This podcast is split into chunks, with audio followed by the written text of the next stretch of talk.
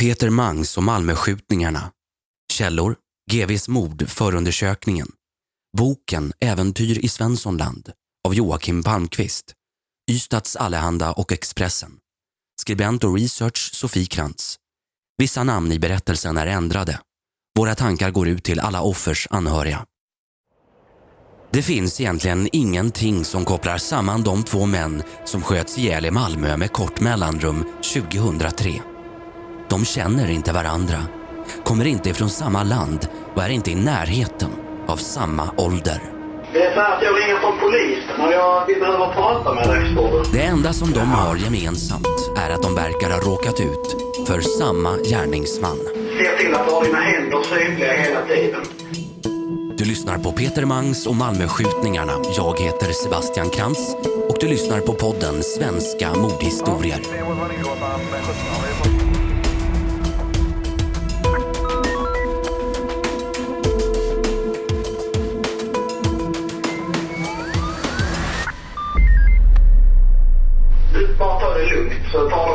Tar dig. Och sen följer du instruktionerna som polismännen i trapphuset där de, de ger dig. Så kommer allting att gå alldeles lugnt och städat till. Så kommer du att få prata med oss bara. Den 13 juni 2003 cyklar en till synes vanlig man omkring i området vid Gångslåtsvägen 47 i Malmö. Han bär en överdragsjacka och ett par hudfärgade handskar. Under jackan så bär han det som han senare ska kalla för stridsväst. I den har han sitt vapen. Han kliver in i ett lägenhetshus och tar hissen upp till åttonde våningen. Där bor den 66-årige sjukpensionären Kooros Efatian. Han kom som flykting till Sverige från Iran på 80-talet. På hans dörr sitter en dekal från Hjärt-Lungsjukas riksförbund. Han har nämligen problem med hjärtat och nyligen så har han fått prostatabesvär. På läkares inrådan så ska han mäta urinmängderna och varje dag så ska han föra en lista för att läkaren ska kunna planera rätt behandling. Hans sista notering blir 10.30.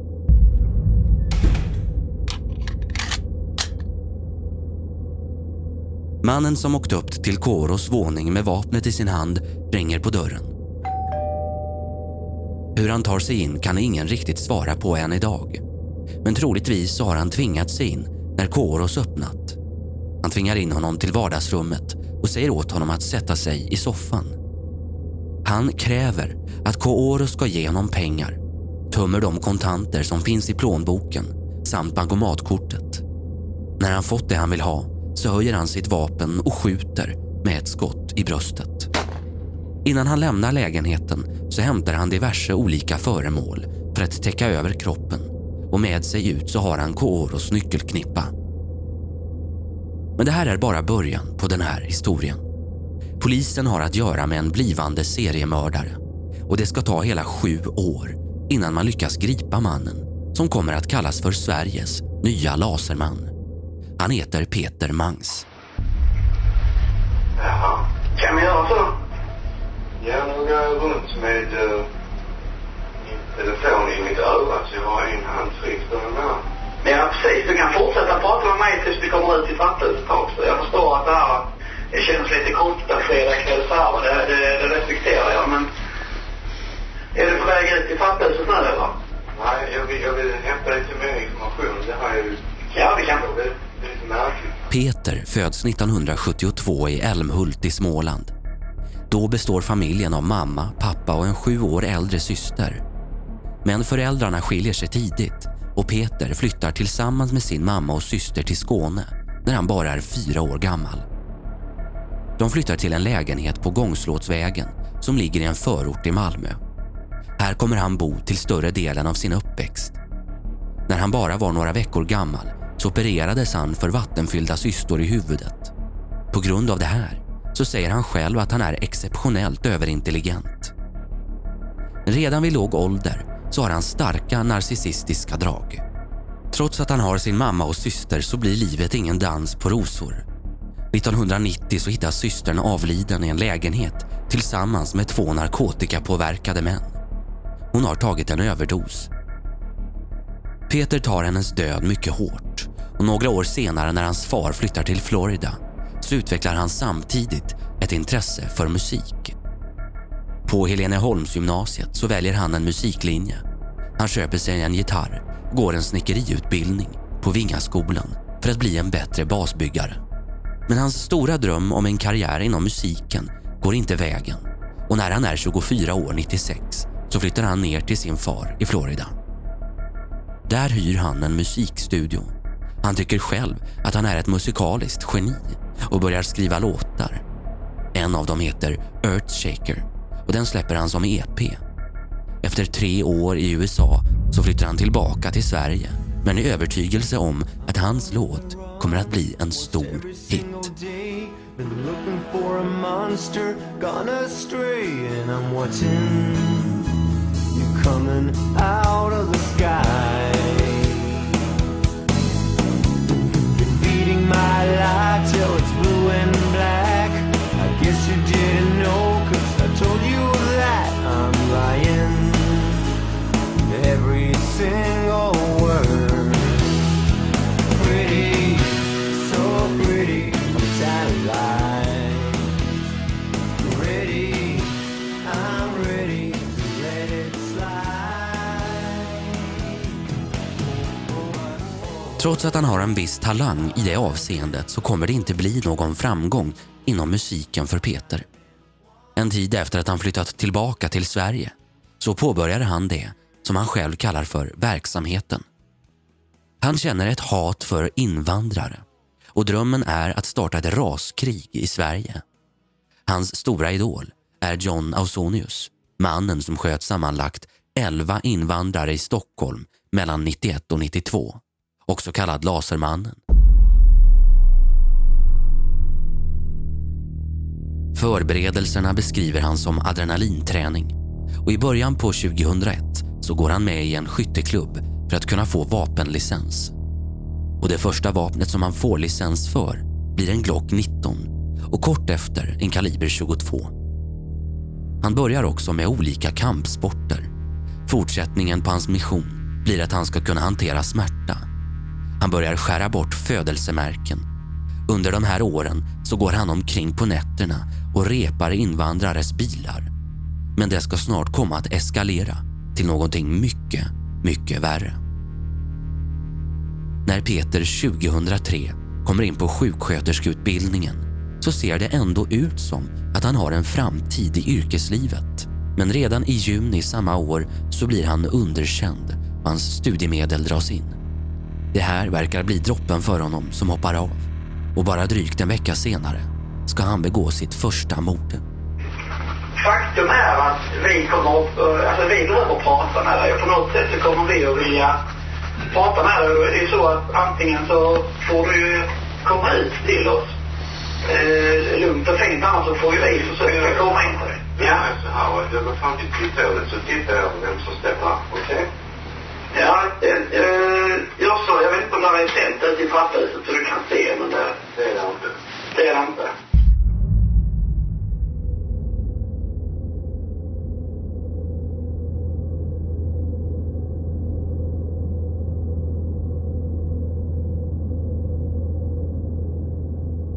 Då är vi tillbaka till fredagen den 13 juni 2003 och Kåros är fatt i hans lägenhet. Peter har precis rensat hans konto vid en bankomat utan kameraövervakning. 7100 kronor blir vad han kommer över. Redan på lördagen så börjar Kåros barn, som båda är bortresta, på varsitt håll börja bli oroliga för sin hjärtsjuka far. De har ringt honom flera gånger utan svar Dottern Roxana kontaktar då polisen eftersom hon är rädd att han drabbats av någon plötslig sjukdom.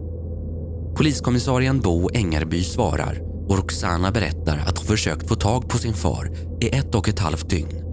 De brukar prata varje dag och det är inte likt honom att inte höra av sig på så här lång tid. Hon vill att polisen åker dit och kollar till honom. Bo kontaktar vården samtidigt som han skickar en patrull till lägenheten. Samtidigt som de två kvinnliga poliserna, Sara och Helene, är på väg upp så får man svar om att Kooros inte finns på något sjukhus. Helene känner på dörrhandtaget. Det är olåst. När de kommer in bara några meter i lägenheten känner de att någonting är fel. För att förstöra så lite spår som möjligt så backar Sara ut medan Helen försiktigt går längs väggarna. Hon går fram till soffan och lyfter på alla kläder och där ligger den ihjälskjutne och blodiga Koros. Vid 22.30 anländer teknikerna till platsen. Man ser inga tecken på strid. Om det varit en inkräktare i lägenheten så brukar det vara stökigt. Det är det inte i det här fallet. Sen är det ju klistermärket på dörren också. Hjärt-lungsjukas riksförbund. De tror att när han börjat känna sig dålig så har han täckt över sig själv för att han frusit. Koros kläder är ju nerblodade men teknikerna ser inga kulhål. Den jourhavande läkaren som kommer till platsen gör samma bedömning och kroppen förs till ett kylrum över helgen. Måndagen den 16 juni så kommer Koros son hem till Malmö igen. Utan att veta att han förstör eventuella spår i faderns lägenhet så börjar han städa. Dagen efter obduceras kroppen och först då så hittar man det som liknar ett skotthål. Man kontaktar polisen och kroppen flyttas till rättsmedicin där den återigen ska obduceras. Där hittar man en kula, kaliber 9 mm. Vid den här tiden så har Malmö börjat få stora problem med organiserad brottslighet, skjutningar och kriminella gäng. Men Kåros stämmer inte in på bilden av offren som brukar vara relaterade till det. Bara sex veckor efter Kåros död så mördas en till man. Den här gången blir det Firas al-Sharia som faller offer för Mangs kulor. I grannfastigheten till lägenheten där det första mordet skedde är den 23-årige Firas på väg ut för att ta sig till sitt lagerjobb. Vad han inte vet är att Peter står utanför och överraskar honom med ett skott i huvudet. Mannen avlider senare på sjukhus.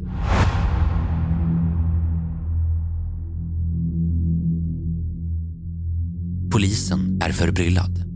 Samma typ av kula hittas även vid den här brottsplatsen, utan ballistiska spår. En kvinna kommer med uppgifter till polisen om att hon sett en märklig och nervös man, liten till växten och med en haltande gång. Kvinnan har sett honom samma morgon som mordet skedde. Men man hittar ingen koppling mellan de mördade männen mer än kulan, inte heller någon teknisk bevisning. Det enda som offren har gemensamt är att de är invandrare. Polisen och media börjar tro att det ligger ett rasistiskt motiv bakom och utredningen står still. Men cirka två månader efter morden på Gånglåtsvägen så ringer en man in med ett anonymt tips till polisen. Han kommer med uppgifter och detaljer som inte är kända för allmänheten ännu. Mannen som ringer säger att en narkoman erkänt båda morden till honom. Polisen tar tipset på allvar på grund av att personen berättar att det tagits ut 7100 kronor ifrån Kåros bankomatkort. Narkomanen som mannen tipsar om är Peter Mangs granne. Grannen har stört Mangs på nätterna genom att vara högljudd och spela musik som inte faller honom i smaken. Därför ringer han in anonymt och påstår att det är grannen som mördat Kåros och Firas.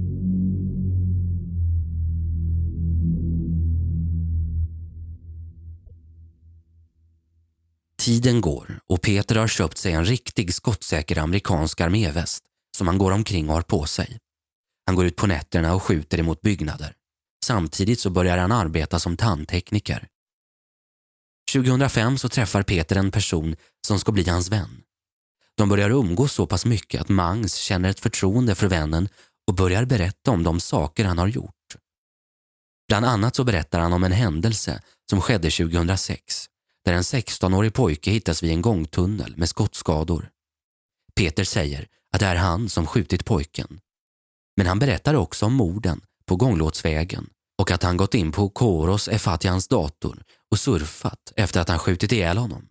Pojken vid gångtunneln överlever attacken men får men för livet. Vännen säger till Mangs att han inte vill ha någonting med det han berättat att göra. Men på något sätt så hamnar ändå Mangs i skymundan på grund av den ökade gängkriminaliteten i Malmö. Han börjar göra en kartläggning på ett stort antal personer som har kopplingar inom den kriminella världen. Det är bara en tidsfråga innan han slår till igen.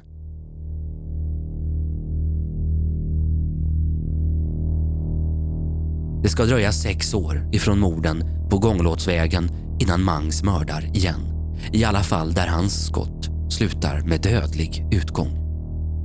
Den 9 oktober 2009 ska 20-åriga Therese West Persson träffa en gammal vän.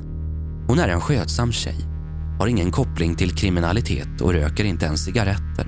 Hon hade bara bott i Malmö i sex månader den 9 oktober 2009. Dagen som skulle komma att bli den sista. Egentligen så umgicks inte hon och den 21-åriga mannen som vi kallar för Amir längre. Men han ville prata med henne och hon kunde inte säga nej för att hon tyckte synd om honom. Amir sitter nämligen inne för grovt rån och var bara ute på permission den här kvällen. Han lämnar festen han varit på i sin systers Renault för att hämta Therese. Sen åker de iväg tillsammans och parkerar vid en plats i Rosengård.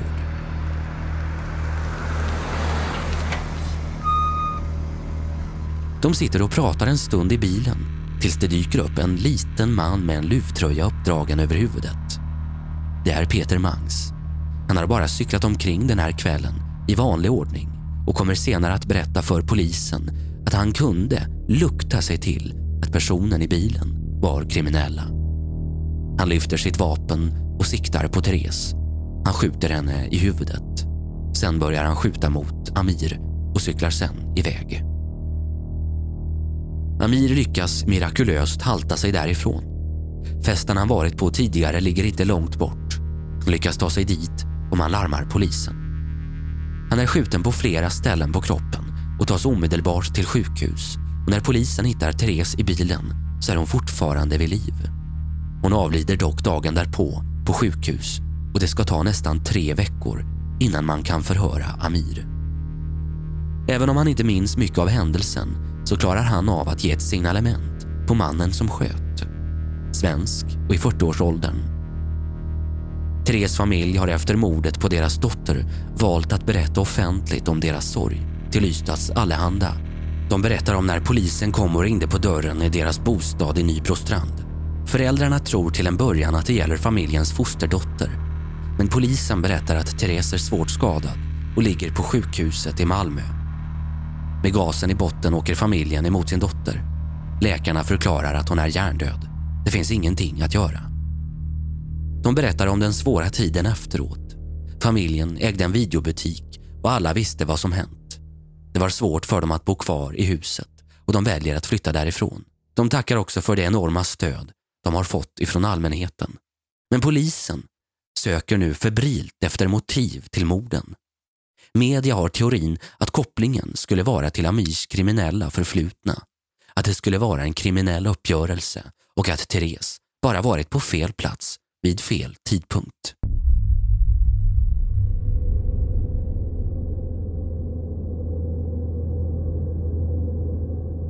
Från den 9 oktober, då mordet på Therese och mordförsöket på Amir sker, fram till att Peter Mangs grips i slutet på 2010 sker ett stort antal skjutningar. Vi kommer att läsa upp ett urval av dem. 23 oktober 2009. Flera skott avlossas emot en 28-årig mans lägenhet på Hyacintgatan. Mannen är inte hemma vid det här tillfället. Den 31 december 2009. Flera skott avlossas mot samma fastighet på Hyacintgatan. Troligtvis på jakt efter samma man som den 23.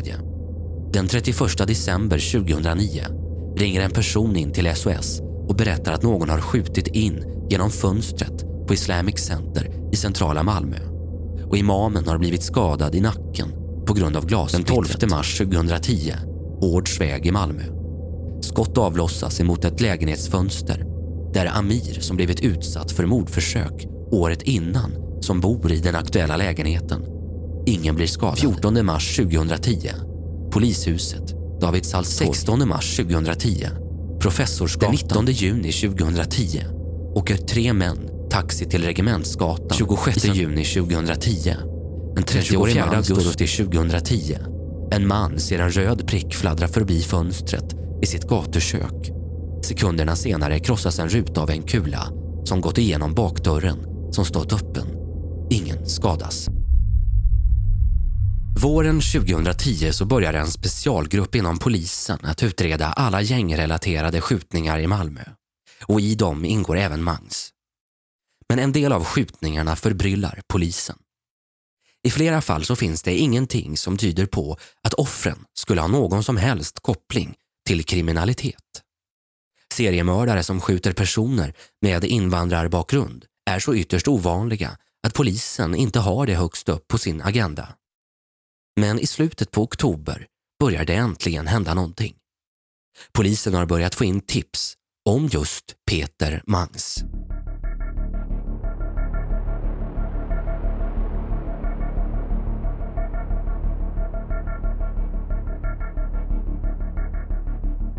Det är hans enda vän som hört av sig och berättat om de tre mord som Mangs berättat om. Vännen berättar också att Mangs sagt “Du är den enda som vet. Om du berättar för någon så kommer jag veta att det är du och döda dig.” Den geografiske profileraren Jonas Hildeby kommer till Malmö för att hjälpa till. Gärningsmannen har lagt ut ett stort antal tomhylsor för att förvilla polisen.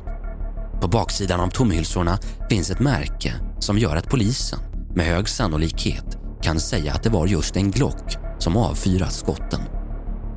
Genom en databas så kan man kolla igenom vilka personer som har licens för sådana vapen och som var medlemmar i skytteklubbar. 20 personer finns med på listan och med tipset om Peter Mangs fanns det ingen tvekan om att det var honom som polisen skulle spana på. Och man inleder spaningarna mot Mangs redan två dagar efter att tipset har inkommit. Strax efter klockan 16.00 den 23 oktober 2010. Han syns dock inte till på de platser som polisen spanar på men bara två timmar senare händer någonting. Mangs skjuter emot skrädderiet på Lönngatan. Ägaren springer ut ur butiken och undrar vad som händer. Då springer skytten fram och skallar mannen så hårt att han själv faller baklänges. Men skräddaren hinner ändå få en bra titt på Mangs och ger ett bra signalement. Svensk, kort till växten, 35 till 40 år gammal och normal kroppsbyggnad. Polisen börjar göra en geografisk profilering på gärningsmannen samtidigt som de avlyssnar Mangs telefon. Och två veckor senare så bestämmer de sig för att gripa honom. Insatsstyrkan åker till hans bostad och vi ska lyssna på polisens autentiska samtal med Peter Mangs minuterna innan han grips. Jag, har, jag har full förståelse för att du blir, blir uppjagad och skärrad och att det plötsligt ringer någon som du inte har en aning om vem det är. Men samtidigt så har jag inte, jag har inte så bra sätt att, att visa för dig att jag är polis mer än att jag kan säga det. Jag förstår det. Men eh, Mm. exempelvis en uniformerad polis utanför trappuppgången och du det? Ja, jag, jag förstår det gör jag. Kan du, kan du se någonting ut genom dörren nu Peter? Titta. Jag vill inte riskera att få någon, liksom någon explosion här bakom dörren. Jag vet inte vad, vad, vad det här heter. Nej, nej, det kommer inte. Det kommer inte. Det kommer inte ske någon explosion så länge du och jag pratar eller någonting sånt. Det kommer inte hända någonting så, så länge du och jag pratar. Jaha, det är någon där ute men det är. Nej. Okej, nu börjar vad, vad händer med min dörr nu? Ska jag öppna nu? Vad är det som händer man? Vad är det? Ja. Öppna dörren i så fall för dem om det är. Det någon som rycker i min dörr eller titta ut? hallå, hallå polisen. Vänta nu, jag öppnar nu. Okej? Tänk Hallå, jag öppnar. Ja. Visa nu händerna Peter. Är... Ja, gör som de säger hela tiden Peter.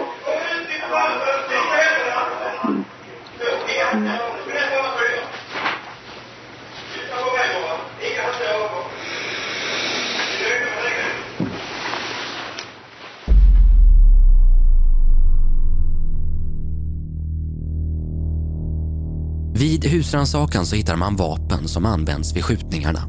Dåvarande SKL får träff på båda två. Mangs stridsväst hänger i hans sovrum och i källarförrådet hittar man Kor och Sefatians nyckelknippa.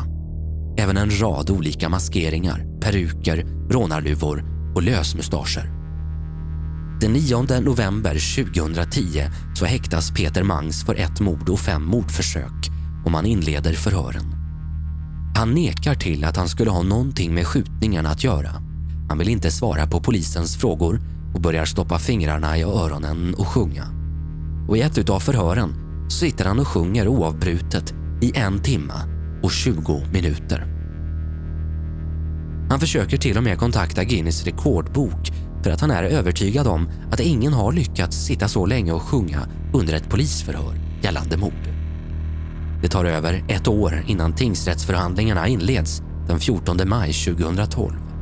I över ett år så har mannen tigit och under tiden så har det ökat till 20 åtalspunkter.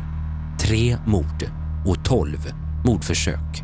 Skadegörelse, grovt olaga hot, försök till grov misshandel, förberedelse till mord och övergrepp i rättssak efter att ha hotat vännen som han erkänt morden för. I brist på bevis så åtalas han inte för den 16-årige pojken som sköts i gångtunneln 2006 med största säkerhetspådrag. 60 sidor gällande åtal och 7500 sidor förundersökning så beräknas förhandlingarna pågå i 25 dagar. Den 23 november så döms Peter Mangs till livstids fängelse i tingsrätten för två mord och fem mordförsök. Domen överklagas och hovrätten dömer honom för två mord och åtta mordförsök till livstids fängelse. Han döms alltså för mordet på Therese West Persson och Koros Efatian. Åtalet om mordet på Firas ogillas. Mangs kommer så småningom att erkänna en del av brotten som han begått.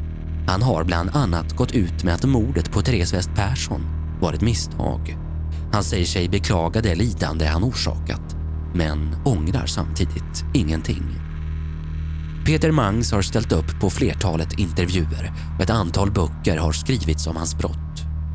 Polisen misstänker dock än idag att mannen kan ligga bakom flera skjutningar än de han är dömd för. Men frågan är om det är en fråga vi någonsin kommer att få svar på. Du har lyssnat på Peter Mangs och Malmöskjutningarna. Jag heter Sebastian Krantz. Thank you.